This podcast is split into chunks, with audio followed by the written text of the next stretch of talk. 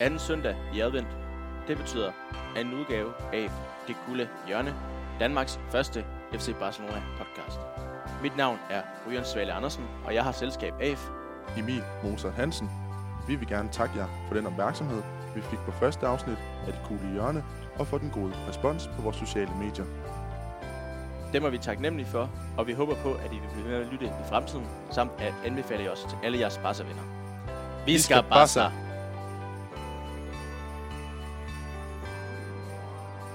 Velkommen til anden afsnit af Det Kulde Hjørne. Hej Emil, Hej Ryan. er du klar igen? Jeg er så klar. Godt, fordi vi har en masse, vi skal nå omkring i dag. Blandt andet kampen mod Atletico, øh, som vi vender ind som en af de første emner. Men for lige at varme vores stemmer op, så har jeg lige et par spørgsmål og nogle emner, vi lige skal diskutere. Spændende, spændende. Og øh, det første, det er, at øh, både Ivan Rakitic og Arturo Vidal har i den seneste tid været ude at sige, at deres situation i klubben, den skal ændres, hvis de skal have en fremtid i FC Barcelona.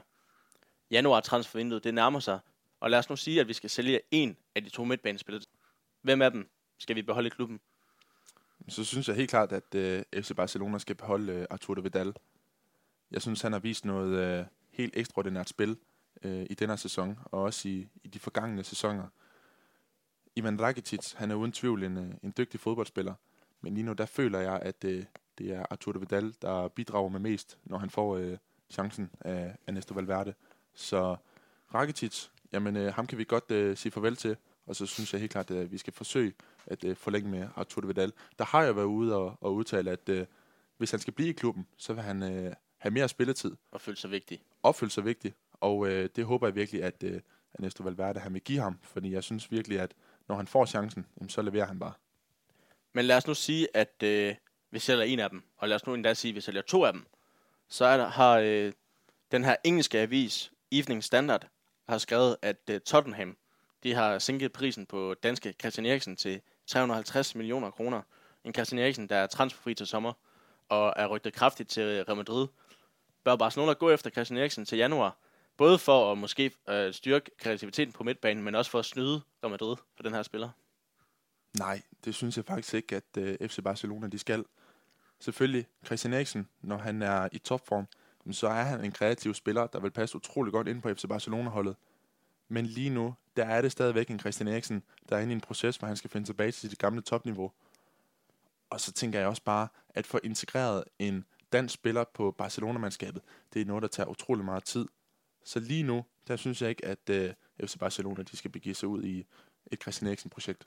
Og jeg vil sige, hvis man skulle have købt Christian Eriksen, skal du have købe købt Christian Eriksen, så skulle man købe ham frem for Coutinho dengang.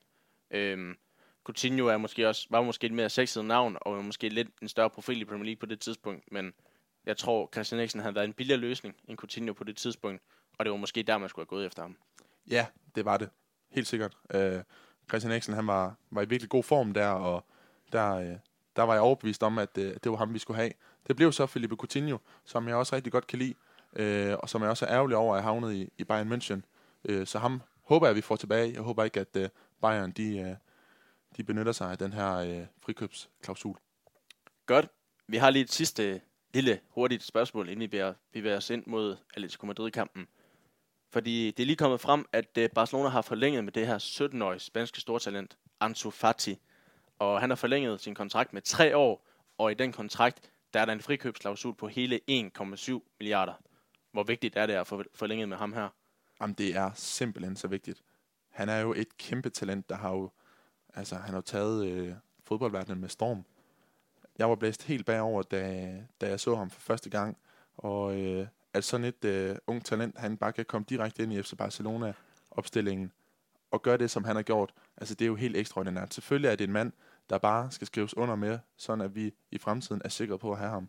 Øhm, der er jo utrolig mange øh, europæiske topklubber, der har slikket sig om munden, når de har set ham, og som altså uden tvivl gerne vil have fat i ham. Så, så det, det er dejligt at vide, at øh, han er i, i FC Barcelona mange år frem. Ja, at han har dedikeret sin fremtid til FC Barcelona. Ja. Og øh, forhåbentlig en mand til fremtiden, der kan læne sig op af, af Lionel Messi, og måske kan blive den nye Messi i Barcelona. Og men, at man ikke skal allerede, men nu begynder det ikke det forventningspres på ham. Ja, selvfølgelig, det er jo en, en proces om at få så ung en spiller øh, ind på holdet. Men jeg synes allerede nu, at han har vist det store glemt, at han sagtens kan være med. Og så tænker jeg sagtens, at øh, Ernesto Valverde, han øh, kan være tryg ved at give ham chancen, når de møder nogle mindre hold i ligaen eller i, i koppen. Super, og øh, jeg tror, at øh, vi venter Ansu Fati senere i en af vores øh, emner i den her podcast. Men øh, først så kigger vi på den sidste kamp, Barcelona de spillede, og det var mod Atletico Madrid. Du lytter til Det Kule Hjørne, podcasten om FC Barcelona. Vi skal Barca! Søndag aften, der tog Barcelona et stort skridt mod toppen af ligaen, da man på Wanda Metropolitano hæv en 1-0 sejr med hjem til Katalonien. Som så mange gange før, så scorede Messi, og det var en 5 minutter før slutfrøjt, hvor han scorede på et klassisk Messi-mål ved at trække ind, spille 1-2 med Luis Suarez, og så lægge den over det lange hjørne. Og det har vi jo set mange gange før, Emil. Det har vi jo set utallige gange, at Messi, han, øh, han ved, hvor målet står, når han øh, modtager bolden uden for feltet, og så, øh, så hammer han den bare ind i, i det lange hjørne. Og det ser jo, det ser jo så lejligt net ud, og han har gjort det nærmest lige siden han kom frem, men det, og det ser så let ud, men det er bare så svært at stoppe. Altså, man, man, man sidder altid og får noget déjà vu. Altså, man, man, man har jo set det så mange gange, at han scorer på lige præcis den måde, som han scorede på mod Atletico Madrid. Så øh, da han fik øh, lagt bolden til rette der, jamen jeg var ikke i tvivl om, at øh, den ville havne ind i netmaskerne. Nej, og det gjorde den heldigvis, og dermed kunne Barcelona altså tage den her sejr med hjem til Katalonien og spille øh, lidt skakmat til Atletico Madrid i toppen af ligaen. Men igen, spillet det var bestemt ikke prængende, og øh, jeg synes, at øh, kampen foregik meget på Atletico Madrids præmisser, og i bund og grund var man relativt heldig med egentlig at få tre point med hjem, og måske også rimelig heldig med endda at, at spille til et point i det meste af kampen. Det ved jeg ikke, hvad du siger til. Jo, men jeg, jeg er enig. Øh, endnu en kamp, hvor at, øh, at FC Barcelona ikke øh, spiller særlig godt, men de formår alligevel at, øh, at få de tre point øh, med, øh, med så videre. Øh, jamen altså, jeg ved snart ikke, hvad jeg skal sige om, om spillet. Det, det hænger bare ikke sammen, og øh, det, det er hverken defensivt eller offensivt, at, øh, at maskineriet det, det for alvor kører. Så vi skal bare være lykkelige for, at, øh, at de alligevel formår at hive tre point øh, øh, i land, fordi at øh, der er så virkelig noget, der skal arbejdes på. Ja, og nu siger du, der er noget, der skal arbejdes på. Kan det være noget med mentaliteten hos spillerne, og især indstillingen i de her La Liga-kampe? Barcelona har vundet 8 ud af de seneste 10, 10 års La Liga. Er de ved at være med i forhold til at, at vinde det her spanske ligatrofæ? Ja, altså jeg kan godt følge dig. Udefra set, jamen, så kan det jo øh, godt se ud som om, at øh, mentalt, så betyder øh, La Liga måske ikke så meget som, øh, som Champions League. Men alligevel, jeg er overbevist om, at, øh, at spillerne, de, øh, de, gerne vil, øh, de gerne vil gøre det godt i, i hjemlandet, i, i den spanske liga og i den spanske pokalturnering. Men alligevel, det er altså få på holdet, der har den her krigermentalitet, hvor de brænder for logoet, de brænder for klubben, og de brænder også for at vinde ligaen og pokalturneringen. Så jeg kan sagtens følge dig. Det kan godt være, at der er noget med, med mentaliteten, øh, men alligevel, jeg er overbevist om, at, øh, at det betyder altså stadigvæk meget for, for FC Barcelona at være den øh, absolut mest dominerende klub i hjemlandet. Det gør det måske, men jeg synes bare nogle gange, det ser ud som om, at spillerne har svært ved at sætte sig op og motivere, mig, motivere sig til de her La Liga-kampe. Og men, eller hvorimod i Champions League, der synes jeg nogle gange i den her sæson, at de har spillet langt bedre kampe, og har været mere dominerende og lidt mere klassisk Barcelona. Er det simpelthen fordi, at de har nemmere ved at stille sig ind til Champions League, fordi de så brændende gerne vil vinde det her trofæ? Ja, men altså, det, det er svært at svare på, synes jeg faktisk. Selvfølgelig, Champions League, det er jo øh, noget af, af det allerfedeste at vinde som, øh, som professionel fodboldspiller øh, sammen med VM. Men alligevel, altså, jeg er overbevist om, at, at La Liga stadigvæk øh, øh, betyder noget for klubben. Øh. Måske så, så er der en anden øh, indstilling øh, i kampene, når, når de spiller Champions League. Men, men jeg synes stadigvæk, at, øh, at klubben viser, at, øh, at de gerne vil øh, den spanske liga og den spanske pokalturnering lige så meget som, som Champions League. Jeg er heller ikke i tvivl om, at de ønsker at vinde alle tre titler. Men, men måske er de lidt mere opsatte i Champions League-kampene netop, fordi de føler, at de har noget at revancere for ikke bare et, en, men to blamager de sidste to seneste sæsoner. Øh, og derfor er man måske lidt mere motiveret til at gå ud og præstere i en Champions League-kamp, hvor La Liga, der ved man, den har vi vundet så mange gange før, der ved vi, der har vi styr på det. Og det kan måske være det, der er forskellen på de her to øh, turneringer. Ja, og La Liga, det er jo også en, en, en lang turnering, mens at uh, Champions League, jamen der er jo ikke uh, råd til at træde i spanaten særlig mange gange. Så der handler det virkelig om at være på, Så, så det kan godt være, at der er noget der i forhold til, at øh, mentaliteten den øh, simpelthen er bedre i, i Champions League-kampene, end, end når de spiller øh, hjemme i Spanien. Ja, man kan jo sige, som du selv siger, i La Liga, det er en, det er en lang sæson, og Champions League starter jo egentlig officielt for Barca's vedkommende. Nu er det gået videre, øh, men den starter jo egentlig først til foråret, hvor de her knockout-kampe er. Altså det, ja, jeg kan ikke huske, at de nogensinde har røget ud i en, en Champions League-gruppespil. Øh, så, så måske øh, har de måske lidt fokuseret på Champions League den her, fordi de var også en svær gruppe. Det skal de have, og så har man jeg ved, ja, selvfølgelig har man ikke slækket på La Liga, det tænker jeg ikke, de har, men jeg tror bare, at de føler, at de har noget at revancere i forhold til de seneste års skuffelser i Champions League. Jamen, det har de uden tvivl. Uden tvivl. Og det er, det er noget, der sidder i spillerne, at, øh, at de har haft de her fedæser i de forgangne år. Og det er jo helt klart noget, de vil ud at revancere. Helt sikkert. Og øh, vi skal lige videre, eller vi skal lige tilbage til øh, Atletico Madrid-kampen, fordi øh, det var jo som sagt en kamp, hvor Barca de, øh, de træk fra i troppen i forhold til Atletico Madrid. Nu er vi 6 point foran, har en kamp i baghånden. Måske har vi sat Atletico Madrid ud af, ud af spil i den her mesterskabskamp. Ja, det, det var i hvert fald et øh, skridt på vejen. Og øh, FC Barcelona har jo stadigvæk øh, en kamp i hånden. Det er mod Real Madrid. Vinder man den, jamen, altså, så får man jo lige pludselig lavet et, et ordentligt spring til øh, Atletico Madrid og til Real Madrid. Så der er ingen tvivl om, at det kommende Clasico opgør, der venter her i, i december måned, jamen, det betyder utrolig meget. Og det kan jeg allerede nu sige, at det er det, som vores næste episode kommer til at handle om. Det er, bliver en El Clasico special. Øh, men øh, udover det her, øh, de her 6 points forskel til Real Madrid, eller til Atletico Madrid, hvad tror du så sejren betyder for Barcelona? Jamen, det betyder enormt meget jo. Øh, de vinder over en, en direkte modstander i mesterskabskampen.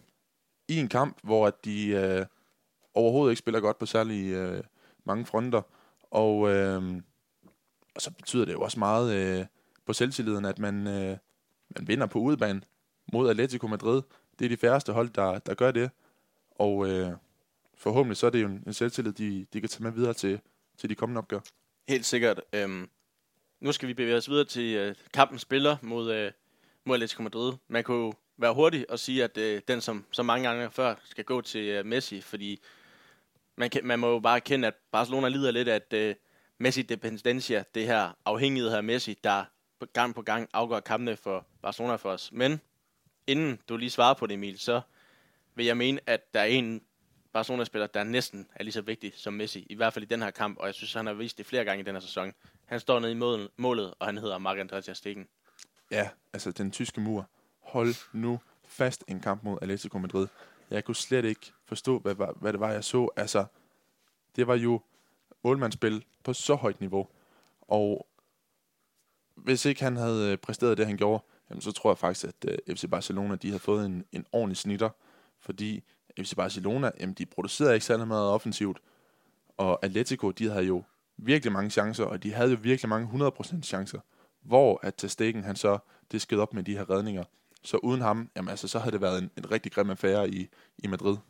Så det er ikke kun en uh, Messi-dependencia, der eksisterer. Det er også en uh, til stikken dependencia. Jamen det er det. Og defensiven, den har, den har flere gange set uh, meget sløj ud. Og så er det bare til stikken, der som sidste mand har taget det store ansvar, og det skal op med de her redninger. Så han betyder enormt meget for, for holdet. Jeg tror ikke, det er nogen hemmelighed, at vi begge to synes, at uh, til stikken, han er, han er verdens bedste målmand. Jamen det er han. Det synes jeg helt klart, han er.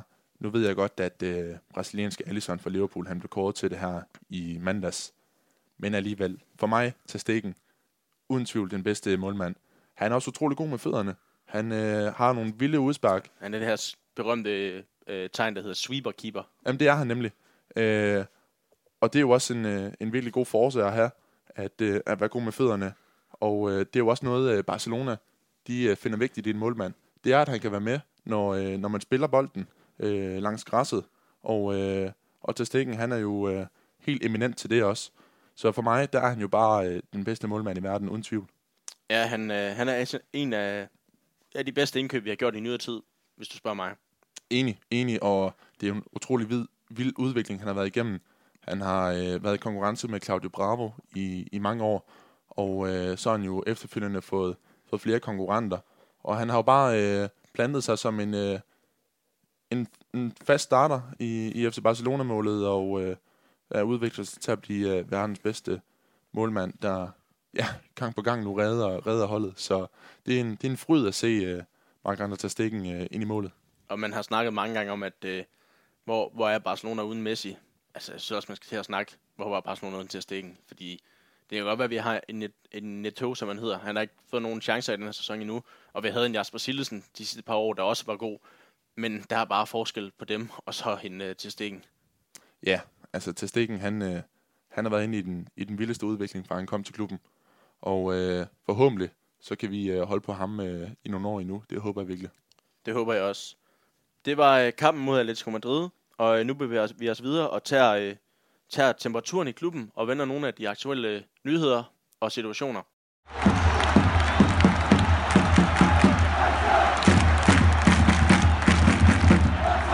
Det første emne, vi skal vende, Emil, det er Ballon d'Or, fordi øh, som ventet, så vandt øh, Lionel Messi mandag aften prisen som verdens bedste fodboldspiller i 2019, i 2019 da han for sjette gang i karrieren vandt det her French Football Ballon d'Or.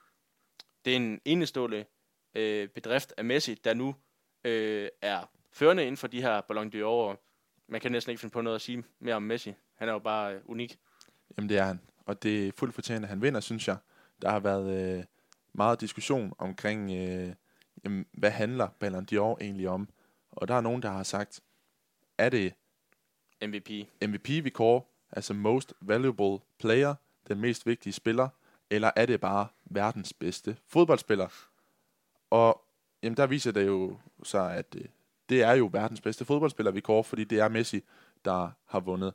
Hvis det var MVP, der skulle kåres, jamen så, som vi sagde i afsnittet sidste gang, så kunne det sagtens være Van Dijk, der, der havde fortjent den, fordi han har virkelig, virkelig været vigtig for, for Liverpool. Men hvis det er den bedste fodboldspiller, der skal kors, så er det jo ingen tvivl om, at det, det er Messi. Fordi han har jo bare vist noget helt ekstraordinært, og med samtlige sæsoner, han spiller, der skulle han flere mål, end han Jamen, spiller kampe, han. og det, det er jo han. fuldstændig urealistisk. Ja, altså det, Messi, han, øh, han kan noget helt ekstraordinært, og det er svært at sætte ord på ham, og vi skal bare nyde ham øh, i så lang tid, han, øh, han stadig spiller, fordi at øh, han bliver jo ældre og ældre. Men alligevel, så er det som om, han bliver bedre og bedre.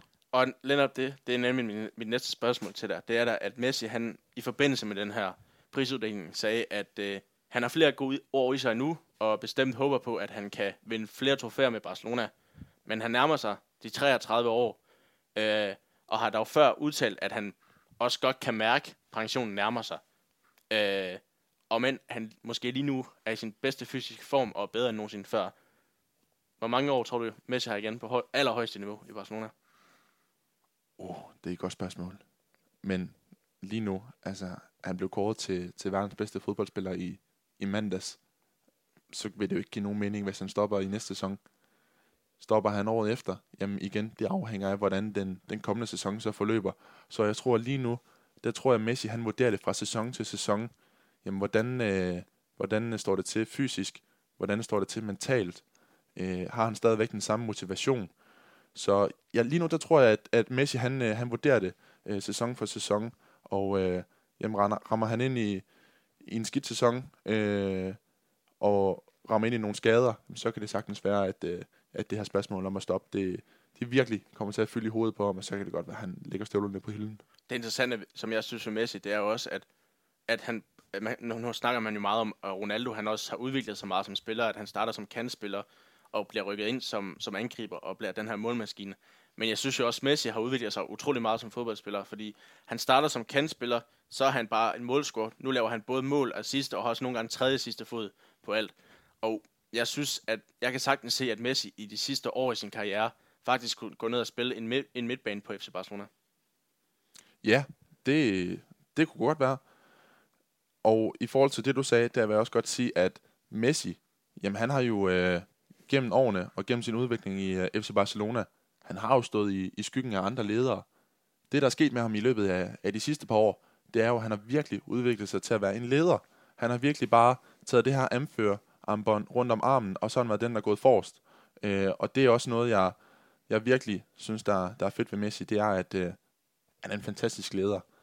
Um, hvad var det, du spurgte om? Ja, men jeg spurgte om, uh, hvor mange år han har igen på højeste niveau. Ja, forhåbentlig så, så kan vi øh, om, om 3 til fire år stadigvæk se ham.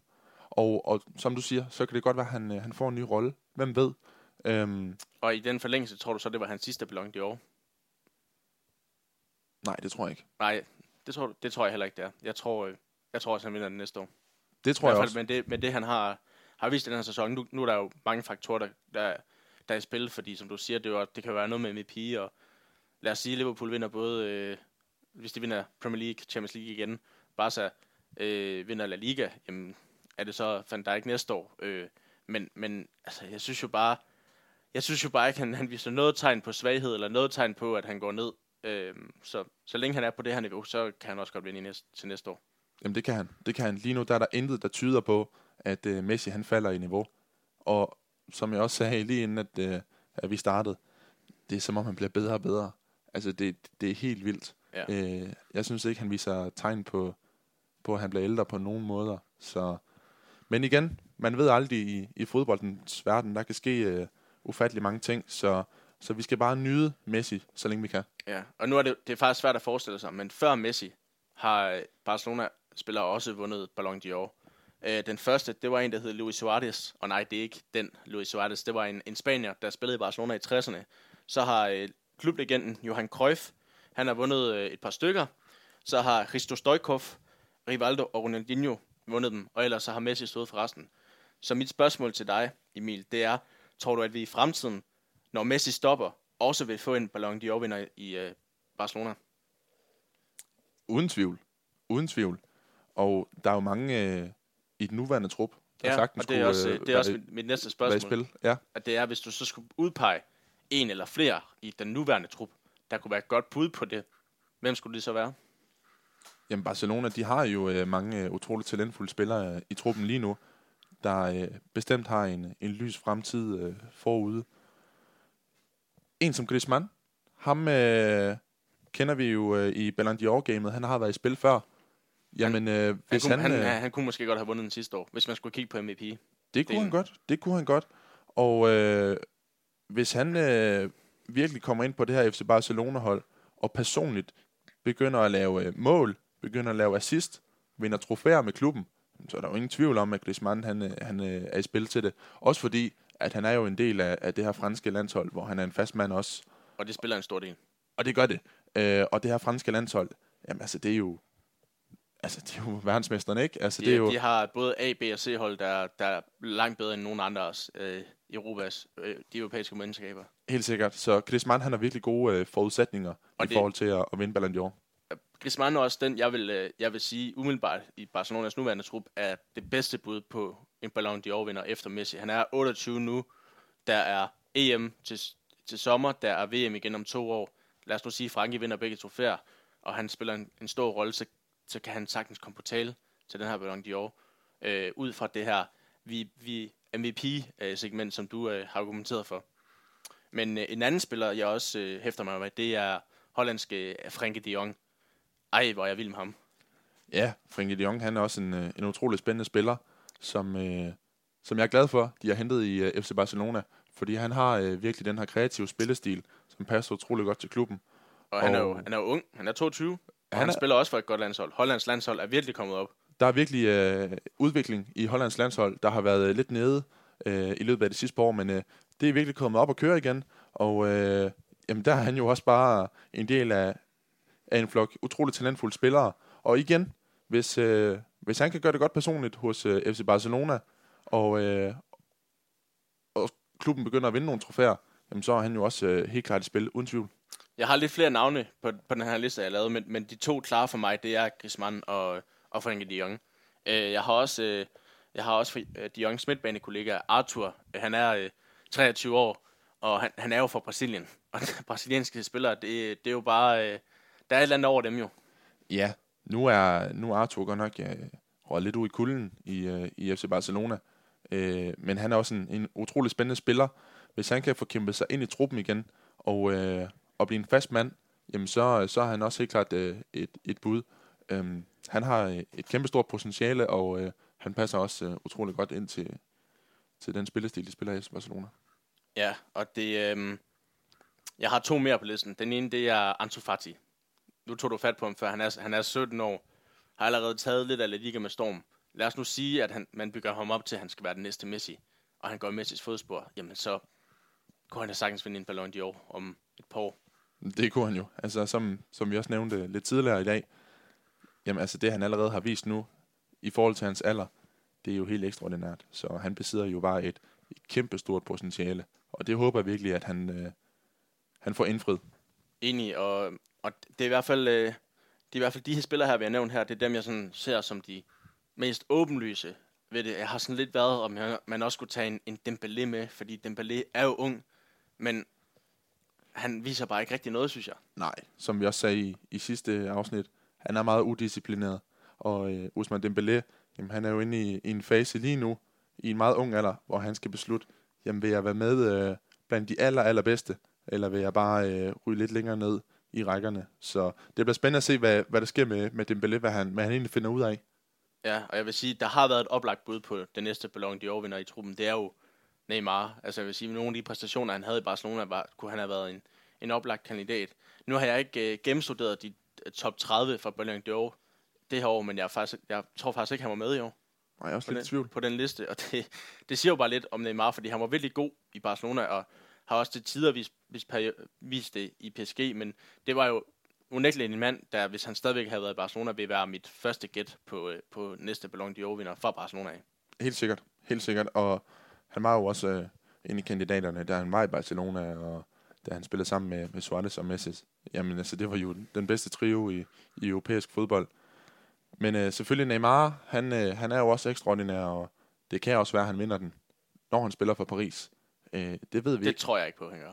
Nej, men, Det, det, det tror jeg ikke. Det tror jeg ikke. nej, men, men, men Neymar, han skal jo øh, han skal jo for det første finde tilbage til sin topform, og så skal han jo ind på det her Paris-hold igen. Vi ved ikke, om Paris lige pludselig, ud af det blå, overrasker alt og alle. Måske vinder en Champions League, og, og vinder den franske liga. Så er han jo helt klart i spil, hvis han har været en af dem, der har været med til at bære Paris-holdet derhen. Jeg synes i hvert fald, at de besidder et enormt potentiale, øh, Paris Saint-Germain-mandskabet. Enig, men øh, jeg tror ikke, de vinder øh, Champions League. Men øh, han, han spiller jo ikke i Barcelona længere, så det, øh, det er jo for, for så vidt øh, sagen uvedkommende.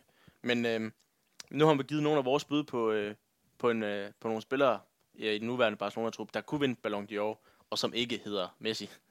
Øh, og med det, så synes jeg, at vi skal bevæge os videre til næste emne.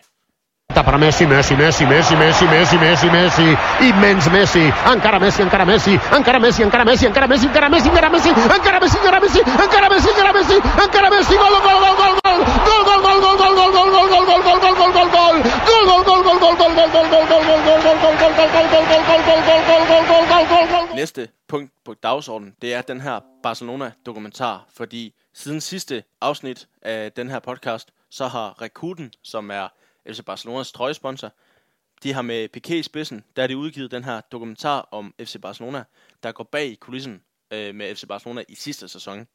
Øh, jeg har set et par af, af den her afsnit af den her dokumentar sporadisk, og jeg synes altså, at man får noget guf og får et indblik i kulissen bag FC Barcelona. Hvad synes du om øh, dokumentaren, Emil? Ja, jeg har også set øh, størstedelen af, af de episoder, der er lagt ud. Og det er jo helt vildt at få en indblik i, hvad der egentlig sker i klubben.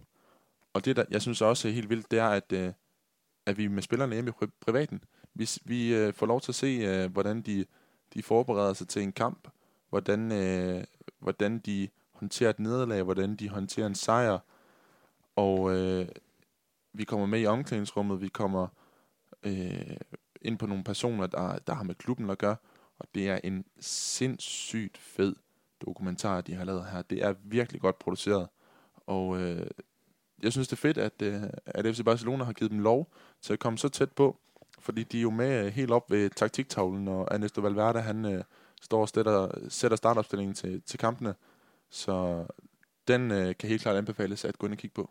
Helt sikkert, men jeg synes jo både, der er nogle fordele og nogle ulemper ved at, ved at man øh, udgiver sådan en dokumentar her, fordi især i et omklædningsrum, det burde være, det, det er jo guf for os øh, fans og for journalister at se, hvad der egentlig foregår bag kulissen, og hvad der foregår i det omklædningsrum.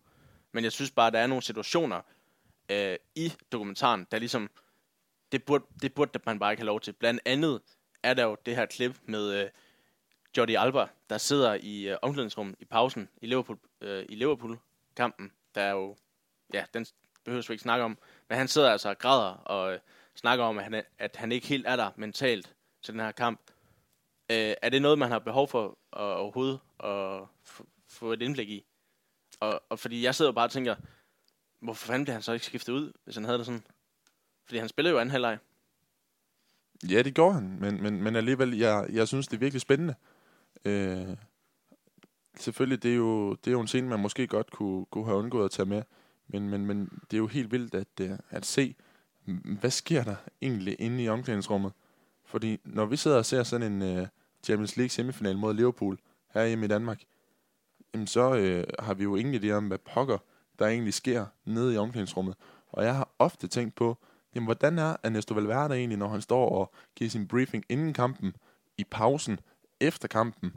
Og det får vi virkelig lov til at se nu. Selvfølgelig, der er nogle scener, hvor man tænker, okay, skulle vi have haft det med? Men alligevel, jeg synes, det, det er enormt spændende. Ja, og, og en af de andre ting, som jeg også har, jeg ved ikke, om det er kritikpunkt, men jeg synes, at det er tydeligt at se den her dokumentar, hvor stærkt et bånd Messi og Suarez de har til hinanden. Og det er selvfølgelig rigtig dejligt, at de er gode venner ude for banen og på banen. Altså, de er jo hinandens to bedste legekammerater. Men der, der er jo for mig bekræfter det lidt de her rygter om det her Club de Amigos, øh, hvis du kender det begreb, som der har floreret lidt, om at særligt Messi øh, gerne vil spille sammen med dem, som han er gode venner med uden for fodboldbanen. Heriblandt Neymar. Øh, og det, det bekræfter mig bare lidt i, at Messi, Suarez og Piqué nogle gange ønsker de spillere til Barcelona, som de har et godt forhold til, øh, i stedet for spillere, der kan gå ind og forstærke øh, Barcelona. For eksempel har der været det her om, at Messi ikke foretræk øh, at hente Griezmann, men i stedet Neymar, og det synes jeg bare lidt, man bliver bekræftet i på nogle punkter. Ja, men selvfølgelig, Lionel Messi og Luis Suarez, de er jo uden tvivl bedste venner uden for fodboldbanen. Og de har jo været øh, marker oppe i angrebet i, i mange år efterhånden. Så det med, at, at Messi han har det bedst med at spille på, på hold sammen med nogen, han kan det personligt med, det tror jeg ikke, vi skal øh, tænke så meget over.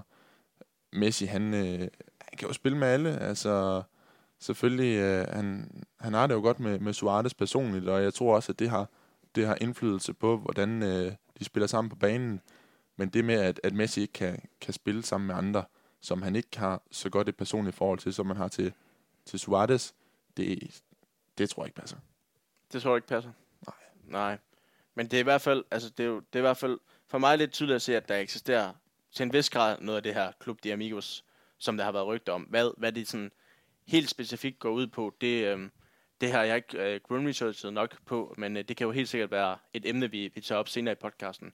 Øh, fordi lige op det der med noget med Messis magt og sådan noget, det, øh, det er faktisk også noget, vi tager op i, i næste øh, emne, som vi bevæger os videre til nu. Det er det her præsidentvalg i øh, 2021, fordi øh, Barcelonas nuværende præsident hedder Josep Maria Bartomeu, og øh, han har været øh, præsident i Barcelona siden 2014. Øh, sommeren 2021, der skal der være et nyt øh, præsidentvalg, og derfor synes jeg lidt, om vi skal snakke om ham her, Bartomeu, hans rolle i Barcelona, fordi han har brugt rigtig, rigtig mange penge på spillere, der ikke er lykkes. Coutinho, Dembélé, nu Griezmann.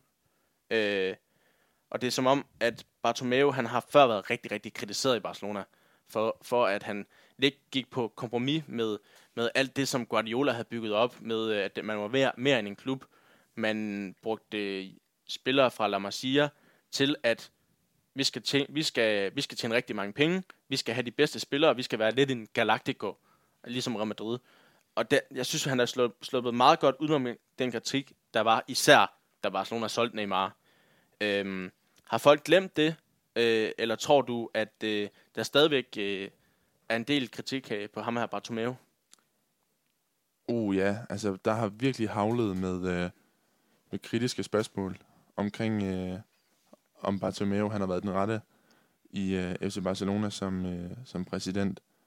Og specielt da man havde MSN, jamen der har der flere gange været, været rygter om, at, øh, at han var en færdig mand i klubben, og, øh, og utrolig mange fans derude har også været, været utilfredse med ham på, på rigtig mange øh, fronter. Men, men jeg kan godt følge dig i, at øh, det er som om, at, øh, at efter Neymar han er smuttet, så er der kommet lidt mere ro på, og man tænker egentlig ikke over, øh, over, det Bartomeu, der, der sidder i spidsen der så ofte, Men det er jo og, fordi, og så meget, som, det er jo som fordi, man gjorde førhen. Det er jo fordi, det er gået godt, sådan, rimelig godt på banen. Fordi jeg tænker, Bartomeu kommer ind i 14, og hans første sæson, der minder, man- minder man det triple øh, med Enrique i spidsen. Og så har det også gået godt nogle andre sæsoner, og så har, det, har han været rigtig meget kritiseret. Øh, især på grund af salget med Neymar og alt det, er, alt det her. Også med, at han, han øh, egentlig hellere vil have et, øh, et, øh, et brand, opbygget brand og virksomhed, hvor man øh, gennem reklamer, altså i mange år har vi været vant til at se Barcelona uden nogen trøjesponsor, eller med UNICEF, til at nu har vi set Qatar Airways, vi har set øh, Rakuten, og det, det, for mig så Bartomeu, han er bare en pengemand, der måske ikke tænker så meget over, over at tjene penge på, øh, via spillere, eller via, øh, via, via øh, trofæer og så videre, men mere sådan kommercielt. Og øh, i den forbindelse vil jeg, en, har jeg egentlig lyst til at spørge dig, om du synes, han skal, han, han skal skiftes ud som præsident i Barcelona? i, i, altså det, det kunne være spændende, hvis, hvis, hvis Barcelona de, de hentede en, en klubmand ind til den post. Det synes jeg virkelig, det, det kunne være noget, der, der vil klæde klubben utrolig meget. Fordi Bartomeu, jamen, altså, han har jo ikke øh, som sådan en, øh, en relation til, til FC Barcelona. Så det, det kunne være fedt at få en, øh, en klubmand ind og, og sidde ved roret. Og øh, Det kunne være en, øh, en, en Piqué har jo før sagt, at han gerne vil være præsident i, i Barcelona. Ja, og nu ved jeg også, at øh, Erik Abidal, han, øh, han også er, er en del af, af den øverste ledelse i, i FC Barcelona, og jeg ved også, at hvad hedder han, Puyol, han har også øh, haft øh, en, øh, en position i, i FC Barcelona. Så måske skulle man øh, kigge på, jamen, hvem har vi egentlig af, af legender i klubben, der, der har noget, nogle kompetencer inden for det her område, som kunne, øh, kunne være en ny mand i spidsen måske. Men jeg synes også, hele den her snak med, med hvordan man skal lede Barcelona, den, den er lidt svær, fordi idealistisk set, så vil, jo, så vil alle Barcelona-fan gerne have, have, at Barcelona øh, bliver ledet, eller er som, som det var under Guardiola-dagene, hvor man ligesom havde det her gennemførte spillekoncept, øh, Johan Cruyff-stilen, og med mange talenter fra La Masia, og man måske godt øh, ikke købt de store stjerner, men mere fokuseret på andre spillere. Og det kan man sige, det har Bartomeu jo bevæget sig væk fra. Men til hans forsvar skal jeg også sige, at der måske ikke er kommet de her store talenter fra La Masia. I den her sæson er de blevet slået ud af Youth League, Ungdoms Champions League, øh, i gruppespillet. Altså, det er bare ikke, altså, der er Ansu, Ansu Fati er måske det nyeste skud på stammen, men det er ham. Altså, alle de store, øh, der har været, alle de talenter, vi har snakket om, skulle være de næste. De har bare ikke været der. Altså, så, så måske har Bartomeu egentlig ledt klubben ud for det, han kan, fordi La Masia-talenterne ikke har stået i kø og på spring for at komme op på førsteholdet. Ja, for nogle år siden, der var det jo et FC Barcelona-hold bestående af nærmest udelukkende folk, der har været på La Masia. Og nu, jamen kigger vi på målmandsposten, der er det til stikken. Han har ikke været der. Forsvaret, Langley, han har ikke været der.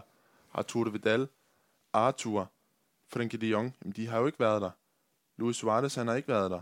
Griezmann har ikke været der. Så den her La Masia DNA, jamen den er jo så småt ved at forsvinde for Barcelona. Øh, og det er ikke noget, man går så meget op i mere, som man gjorde førhen. Og, og det er jo noget, som, som Bartomeu, han ikke har vægtet så højt. Så hvis man gerne vil have den her La Masia-DNA ind i klubben igen, men så tænker jeg, at der skal en klubmand ind. En, der selv har været på La Masia, og der kunne det måske være en mand som Puyol, eller en mand som Piqué, når han engang stopper.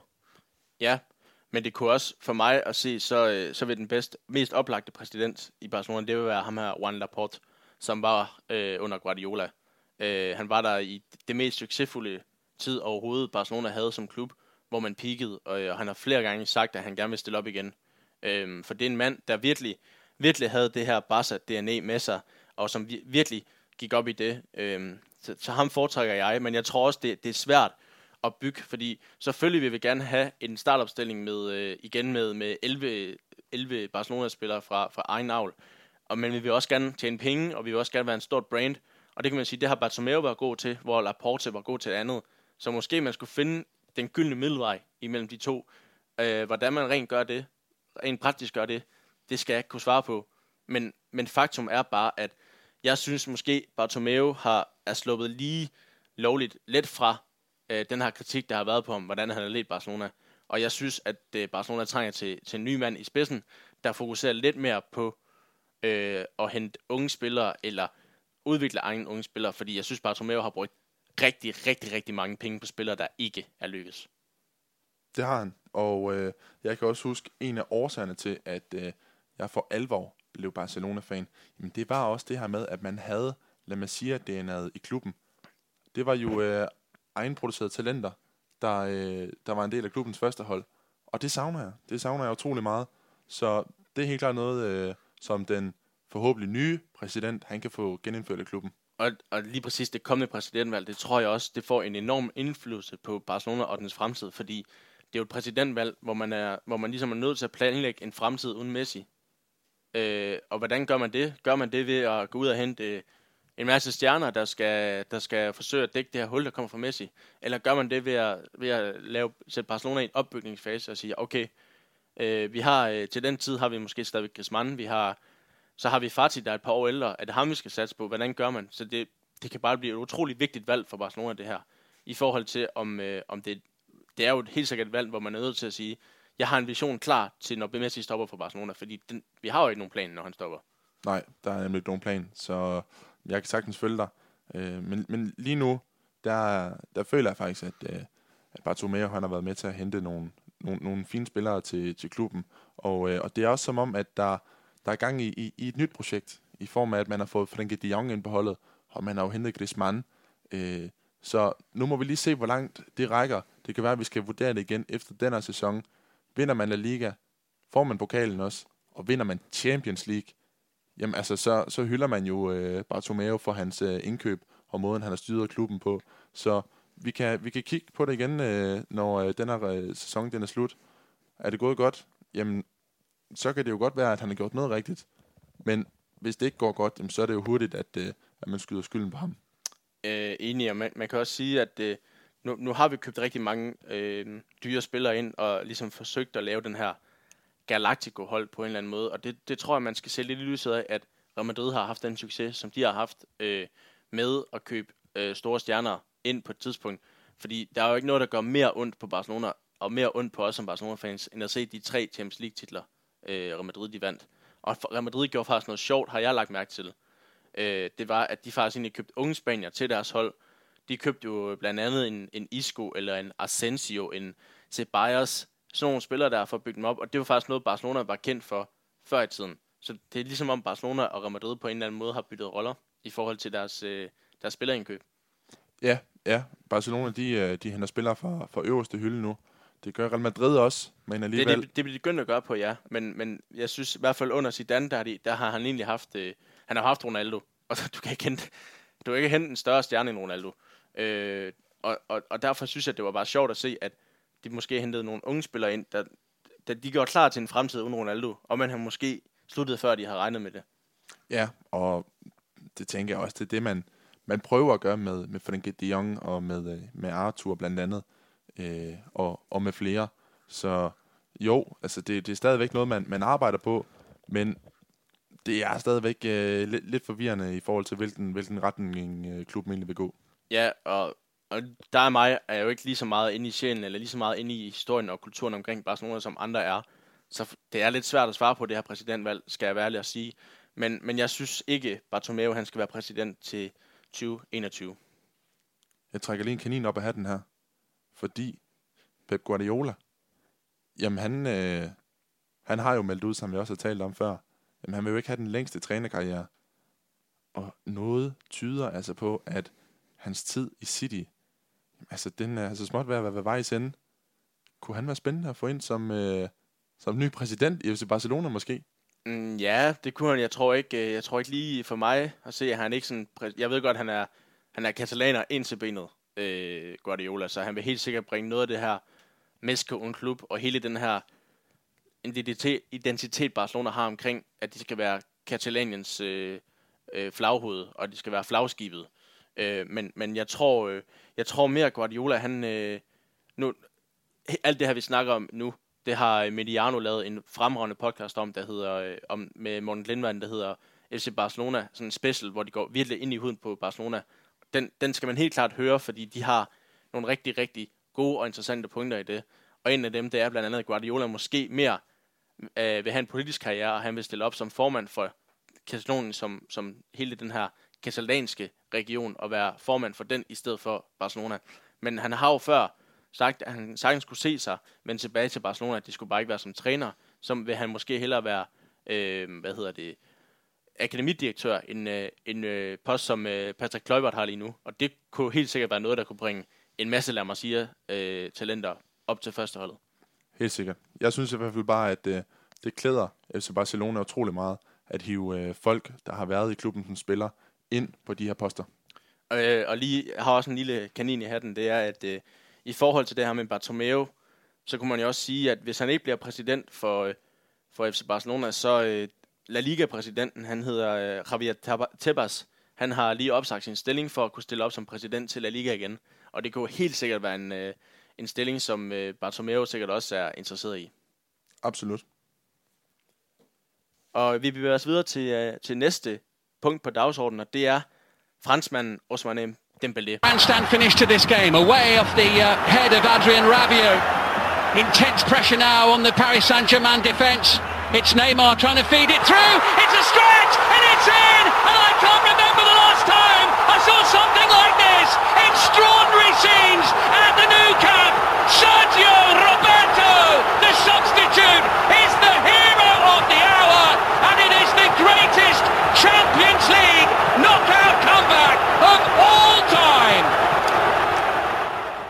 Franske Ousmane Dembélé, han er igen blevet ramt af en skade.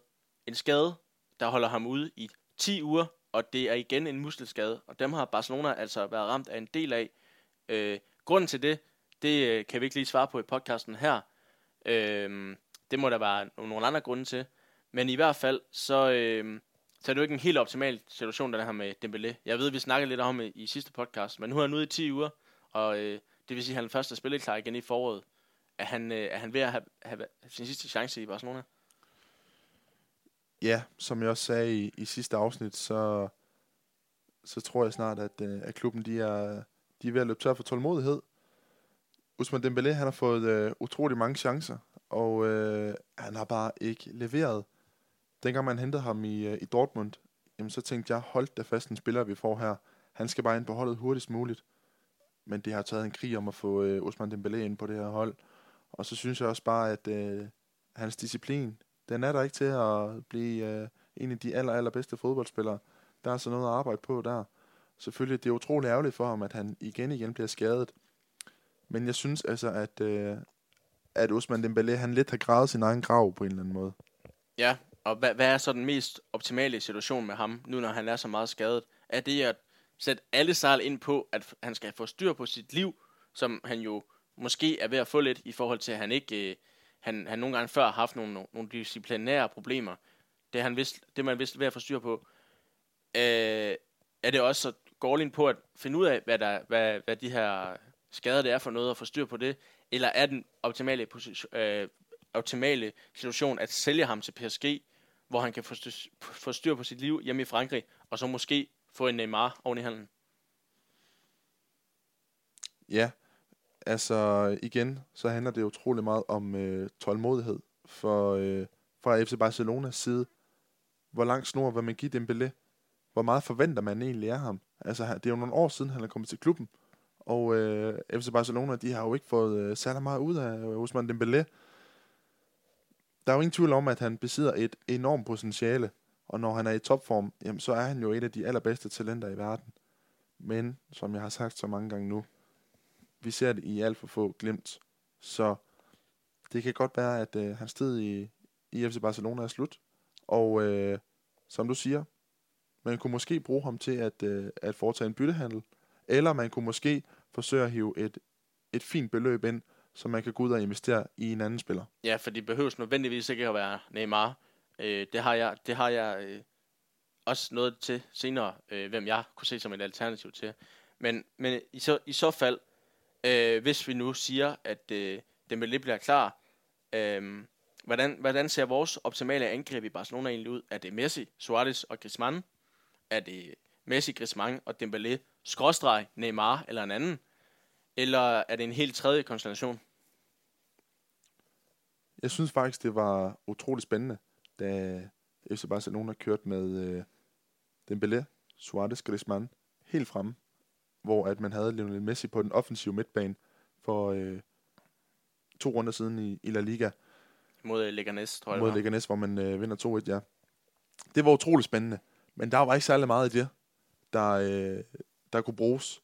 Så jeg tænker, at, øh, at man skal køre med, øh, med Messi, Suarez, Griezmann, og så må Ousmane Dembélé altså forsøge at, øh, at kæmpe sig ind på holdet. Nu er han skadet, nu er han øh, ude i, i, i godt stykke tid. Selvfølgelig, der kommer også en, øh, en, en pause her øh, efter vinter, hvor han øh, måske kan, kan få tid til at, til at hele og få, få fundet formen tilbage. Og så kan det være, at vi, vi ser ham i foråret igen blomstre op. Det, det håber jeg i hvert fald. Men, øh, men lige nu, der, der skal man jo uden tvivl bare køre med Messi, Suarez, Griezmann. Og, øh, og så må Dembélé jo krige sig tilbage på det her hold. Ja, og, og måske skulle man endda også øh, sige, at øh, Griezmann eller Suarez skal slås om den her øh, plads inden, øh, inden central, og så øh, give mere spilletid til Fati, og så bygge ham op. For det, så kan man sige, så sparer man pengene på, øh, på at købe Neymar tilbage, eller en tredje, og nu kan jeg komme til, hvad jeg synes, den tredje skulle være. Jeg er forelsket i Sadio Mane i Liverpool. Hold nu op, hvor han er god. Jeg ved godt, at han s- koster rigtig mange penge, og er svær at få, men Messi stemte jo på ham som øh, den bedste spiller ved Ballon d'Or, og øh, for mange fodboldspillere er det jo en drøm at spille i FC Barcelona. Jeg synes, jeg synes at man skulle, øh, man skulle gå langt for at prøve at se, om man kunne lokke øh, Mane til Barcelona. Ja, Liverpool, de, øh, de har jo plantet sig som, øh, som en af de allerbedste klubber her i løbet af, af de sidste par år. Og øh, til at starte med, jamen der var det jo Mohamed Salah, der var øh, en af de altså, mest bærende kræfter offensivt. Nu har Mané taget over, og Mané han øh, viser jo noget fantastisk spil i Liverpool-trøjen. Jeg tror dog, at, øh, at det bliver rigtig svært at få ham til Barca, selvom at jeg vil, øh, jeg vil elske det. Jeg synes virkelig, det kunne være spændende for Sadio Mané til. Han er lidt en anden type, end, end, end det vi har, har haft før. Men, men jeg tror bare, han, er, han har det godt i Liverpool, og han er så småt ved at, hvad skal man sige, få noget Liverpool-DNA øh, ind, i, ind i blodet. Men så det var, øh, det var Suarez og Coutinho også. De kom til Barcelona. det er selvfølgelig rigtigt. Men øh, det kunne være utroligt spændende med, med Sadio Mane. Jeg vil i hvert fald hellere foretrække Sadio Mane frem for Neymar. Ja, men der er enig. Som, som vi gjorde klar, klart i sidste afsnit, så, så ønsker vi ikke, at, at Neymar kommer tilbage. Nej, øh, men, men jeg ved heller ikke, hvor, hvor, hvor meget mere tålmodighed jeg har med, med Dembélé. Så et eller andet skal det jo ske. Altså, mit, for mig øh, vil det jo måske være Mané, Mané, men det kommer godt nok også an på prisen. Øh, men ellers så øh, sats på Ansu Fati. Ja, men som vi også lige har drøftet i forhold til det med præsidentvalget, hvilken retning har Barcelona tænkt sig at gå? Vil man begynde at satse på egne talenter, altså få Ansu Fati ind i truppen, jamen så skal man jo køre den vej. Men vil man igen, igen, igen gå ud og investere i en ny spiller og bruge vanvittigt mange penge, så kan man jo gøre det. Så igen, det afhænger af, hvilken vej Barcelona som klub gerne vil gå. Men øh, vores optimale øh, angrebskonstellation, den, øh, som det er lige nu i klubben, den vil så hedde øh, Messi, Suarez og Griezmann. ja, det, det fungerer, det er spændende, og det er også en, øh, en udviklingsproces, de er inde i, og, og jeg synes faktisk, det, det begynder at se, se bedre og bedre ud fra kamp til kamp. Og så øh, kan Dembélé øh, komme tilbage, når han er skadesfri, og så øh, må han øh, snart til at gribe chancen, for ellers så tror jeg, at øh, Fati han, øh, han øh, kommer indenom. Ja, Fati, han, øh, han er inde i en, en vild udvikling lige nu, og som jeg også øh, har sagt tidligere, så håber jeg, at, øh, at han kan få chancen øh, nu her, når man møder de, de lidt mindre hold, øh, hvor han forhåbentlig kan komme ind og, og bidrage og, og få endnu mere erfaringsud til sig. Også så han kan, kan lære Messi at læne sig op af Messi og, Præcis. og, og få at vide, jamen, hvad, hvad, hvad gjorde du, da du kom fra Milan Masia? Hvordan tror du springet og blev så god? Øh, så det vil helt sikkert være en gave for Fati at, at spille med Messi så lang tid han kan, fordi så kan han helt sikkert blive til noget helt exceptionelt. Det kan han, det kan han, uden tvivl. Så øh, bare lige her til sidst, øh, for lige at opsummere det hele. Synes du, at øh, Dembélé, han har, øh, det er hans sidste chance i Barcelona nu? Nej, det synes jeg faktisk ikke. Dembélé, han, øh, han er skadet et stykke tid nu, og øh, der kommer en pause i spansk fodbold. Så kan han forhåbentlig bruge den pause på at øh, komme i form, og så kan han forhåbentlig komme tilbage i foråret og give noget konkurrence til trioen op foran. Jeg håber det virkelig, fordi Dembélé han har et kæmpe potentiale, og han er altså en, en kommende fremtidens mand. Men igen, det, der er mange øh, faktorer, der spiller ind her. Jeg håber virkelig at, at se Sergio øh, Usman Dembélé til, til for, foråret, hvor han forhåbentlig kan, kan bide sig på igen. Du lytter til Det Kule Hjørne. Podcasten om FC Barcelona. Vi skal Barca. Godt. Nu er det tid til at kigge på de kommende kampe, FC Barcelona skal spille. Og Emil, nu sidder vi jo her torsdag og optager. Men i og med, at øh, vi først øh, udkommer søndag, og Barcelona spiller lørdag, så kan vi jo ikke rigtig nå at, at snakke om øh, kampen, de skal spille mod Mallorca. Det vil være lidt øh, åndssvagt. Så øh, den bevæger vi os lidt let og elefant øh, henover, og bare håber på, at øh, det bliver en sejr. Ja, det er på hjemmebane på Camp Nou, og det er jo øh, Barcelonas fort, og forhåbentlig så bliver den kørt hjem med en, øh, en stor sejr. Ja, og nu sidder vi jo op til torsdag, og i og med, at vi kommer ud søndag, så kan vi lyde som nogle kæmpe idioter. Men, men nu må vi se. Forhåbentlig så, øh, så er det blevet sådan en sejr. Det håber vi. Yes. Så derfor så synes jeg, at vi skal fokusere mere på øh, øh, den kamp, Barcelona skal spille i Champions League, som er mod øh, Inter. Og det er altså den sidste gruppekamp øh, her i efteråret i Champions League. Men øh, Barcelona, de er jo allerede videre i Champions League, og de er også videre som nummer et. Og vi spiller altså på udebane mod det her Interhold, som kæmper for sin chance i øh, Champions League. Øhm, derfor har jeg, har jeg tænkt mig at spørge dig, synes du, vi skal have øh, den stærkeste starter i 11 i den her kamp mod Inter? Ja, det synes jeg. Det synes jeg. Jeg synes bare, at de skal plante sig som øh, solid etter i gruppen, og øh, vise, at... Øh, jamen, prøv at høre her. Altså, Barcelona, det er et hold, man skal frygte i år i Champions League. Selvfølgelig, jeg synes, der skal være plads til, at, øh, at der er nogle nye navne, der kan komme ind og få chancen. Men øh, jeg synes jo stadigvæk, at man skal stille med, øh, med stærkeste hold, og, og så bare forhåbentlig køre det her intermandskab over, og så sende et, øh, et signal til resten af fodbold-Europa. Så du kunne ikke, du kunne ikke forestille dig, at øh, der er nogle positioner, hvor vi, øh, hvor vi sparer lidt på profilerne? Altså det kunne blandt andet være øh, målmandspositionen, hvor vi kunne sælge en Neto ind og give ham øh, sin første Barcelona-kamp, i stedet for til Stingen. Og, og Det kunne også være venstrebakken, hvor, hvor vi... Øh, og Jordi Alba er skadet, kan jeg se, så det, øh, det er sådan lidt hip som hap, som han, han bliver klar. Så kunne man jo sætte fire ind. Man kunne også give øh, ham her, Musa Vaki, chancen på højre bakken. Jo, det, det kunne man godt, og jeg, jeg tror også, det kommer til at ske. Men, men, men jeg håber stadigvæk, at, øh, at øh, de starter med, øh, med en forholdsvis stærk øh, opstilling, så man øh, kan give noget, øh, noget ordentlig modstand til, til det her interhold, og man bare kan få, få plantet sig solidt op øh, i toppen af gruppen. Så det vil sige, at dit angreb vil også bestå af Messi, Suarez og øh, Griezmann. Øh, Og så kan der være lidt på midtbanen måske, hvor, man, hvor det hedder Vidal, Rakitic og, øh, og Arthur måske. ja, der kan Ernesto Valverde også lige lege lidt med, med opstillingen der. Så, det, så hvis vi, vi, vi øh, en, en kombination af, af de stærkeste, men også, også øh, lidt øh, reservespillerne. Fordi Ja. vi har jo, øh, vi har jo øh, også en kamp øh, det weekenden efter, vi har et klassiko snart, så det handler jo også om at spare på kræfterne. Ja, yeah. lige for at kommentere på, på de tre øh, forreste, der øh, har han jo ikke så mange øh, muligheder lige nu, Ernesto Valverde. Og øh, Messi, Suarez, Griezmann, jamen, de er jo inde i en proces lige nu, hvor de skal øh, lære hinanden at kende, og de skal blive bedre til at spille sammen. Og øh, en kamp mod Inter, jamen det er jo en øh, super fin prøve for at se, om de kan spille sammen, når, når de møder nogle af de, de, de bedste hold fra, fra Ja, Europa. det, det er jo lidt en, en gratis kamp, kan man sige. Fordi Ja. ja. vi har sker jo ikke noget, vi- hvis vi taber. Vi er, vi er videre som etter.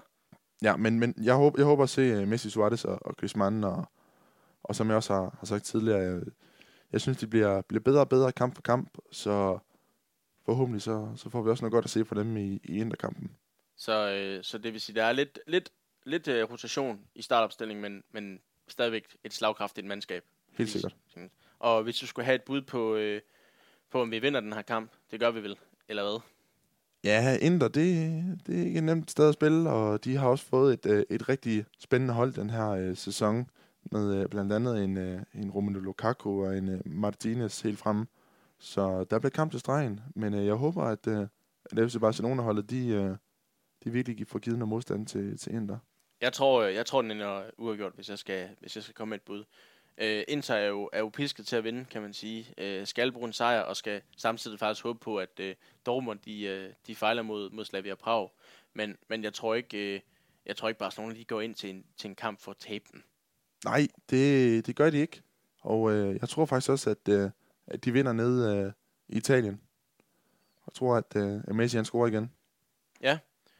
Jamen, øh, det, må, det bliver jo i hvert fald spændende at se. Både øh, startopstillingen, men også øh, hvordan øh, Barcelona de, de angriber den her kamp. Og faktisk et par dage efter, faktisk lørdag den 14. december, så møder vi Real Sociedad i, i den spanske liga. Og Real Sociedad, det er det helt store overraskelse i, overraskelse i La Liga denne sæson. De ligger, imens vi optager den her podcast, nummer 4 i den spanske La Liga, og de har en særdeles storspillende Martin Ødegaard i truppen. Real Madrid-talentet, der måske er ved at forløse det her enorme potentiale, han har. Ja, det skal nok blive en, øh, en spændende kamp. Og øh, på udebane i ligaen, der har, har øh, Ernesto Valverdes tropper haft det svært. Og øh, over i, øh, i Sociedad, altså det er virkelig ikke et nemt sted at spille. Der er også en, øh, en rigtig fin kulisse på stadion der.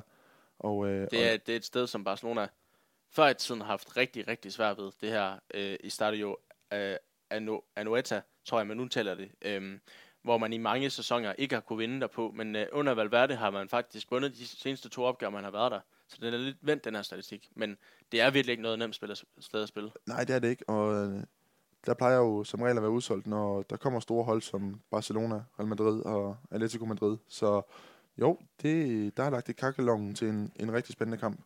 Og hvad for en kamp tror du bliver, man kan sige, som vi har været inde på før, Barcelona på, på hjemmebane og på udebane, det er to forskellige uh, mandskaber, og Real Sociedad vil jo helt sikkert gerne, uh, gerne bevise, at uh, det, de ikke bare er en døgnflue oppe i toppen, men faktisk hører til, og hvis man kan slå Barcelona hjem, så ser det jo godt ud for dem. Ja, men øh, forhåbentlig så, så snubler Barca ikke der. Forhåbentlig så, så hiver de en sejr hjem, og, øh, og så har de masser af selvtillid forud øh, Real Madrid-kampen. Så jeg håber og krydser fingre for, at øh, den FC Barcelona de leverer en, en god indsats i Sociedad. Ja, hvis, hvis de gør det, så slår man jo også yderligere hul til, til Real Sociedad på fjerdepladsen, så, så øh, den her tætte top, der egentlig er i Spanien, kan, kan inden for de næste 14 dage kun blive Barcelona og Real Madrid. Ja. Og det vil være, det vil være fint, og øh, nu er vi videre for Champions League, der er styr på det, og, og hvis man så også inden jul kunne få øh, kunne konsolidere sig i toppen, øh, det vil jo også være, være ganske tilfredsstillende. Ja, det vil være øh, super fint, og det vil være ufatteligt dumt at, øh, at snuble nu og, og gå ud og levere dårlige resultater. Det vil især, i hvert fald, især øh, efter den sæsonstart, vi fik. Ja, det vil øh, i hvert fald øh, give mig en, øh, en rigtig dårlig jul. Så jeg håber, at øh, de giver os en, en god julegave i år. Så øh, hvis, har du et bud på kampens resultat mod uh, Sociedad? Uh, det bliver svært. Det bliver rigtig, rigtig svært. Og øh, deres offensiv kommer også helt klart til at øh, give problemer for FC Barcelonas defensiv. Jeg tror, at øh, FC Barcelona vinder 2-1. 2-1. Så siger jeg øh, 3-1. Jeg tror, Messi scorer to mål, og så øh, får øh, Griezmann puttet ind. Fedt, det håber jeg virkelig. Ja, det håber jeg også for ham. Øh, jeg, jeg synes virkelig, at, øh, at øh, hvis han begynder at få, på, øh, få nogle kasser øh, ind, så, øh, så øh, begynder det at vende for ham forhåbentlig. Forhåbentlig. Det var det, vi nåede øh, i denne episode, Emil. Jeg håber, at du kunne lide at være med endnu en gang. Det kan du tro. Det er virkelig fedt at, øh, at tale om klubben, som vi elsker så højt. Ja, og øh, vi er klar igen med en, en nyt afsnit næste søndag, tredje søndag advent, og det bliver en et Classico Special, hvor vi varmer op til det her store brag, der venter den 18. december. Øh, herfra skal der lyde et øh, tak, fordi du lytter med, og tak, fordi I støtter op. Og øh, som sagt, I kan abonnere på os på både Spotify og på iTunes. Og øh, hvis I kan lide, hvad I hører, så øh, må I meget gerne øh, give os fem stjerner på iTunes. Det vil betyde meget. Eller skrive til os på vores øh, sociale medier. Kom med emner, giv os kommentar, feedback til episoderne. Og herfra skal I bare have en rigtig dejlig, god, fortsat god weekend. Øh, og så, så lyttes vi ved.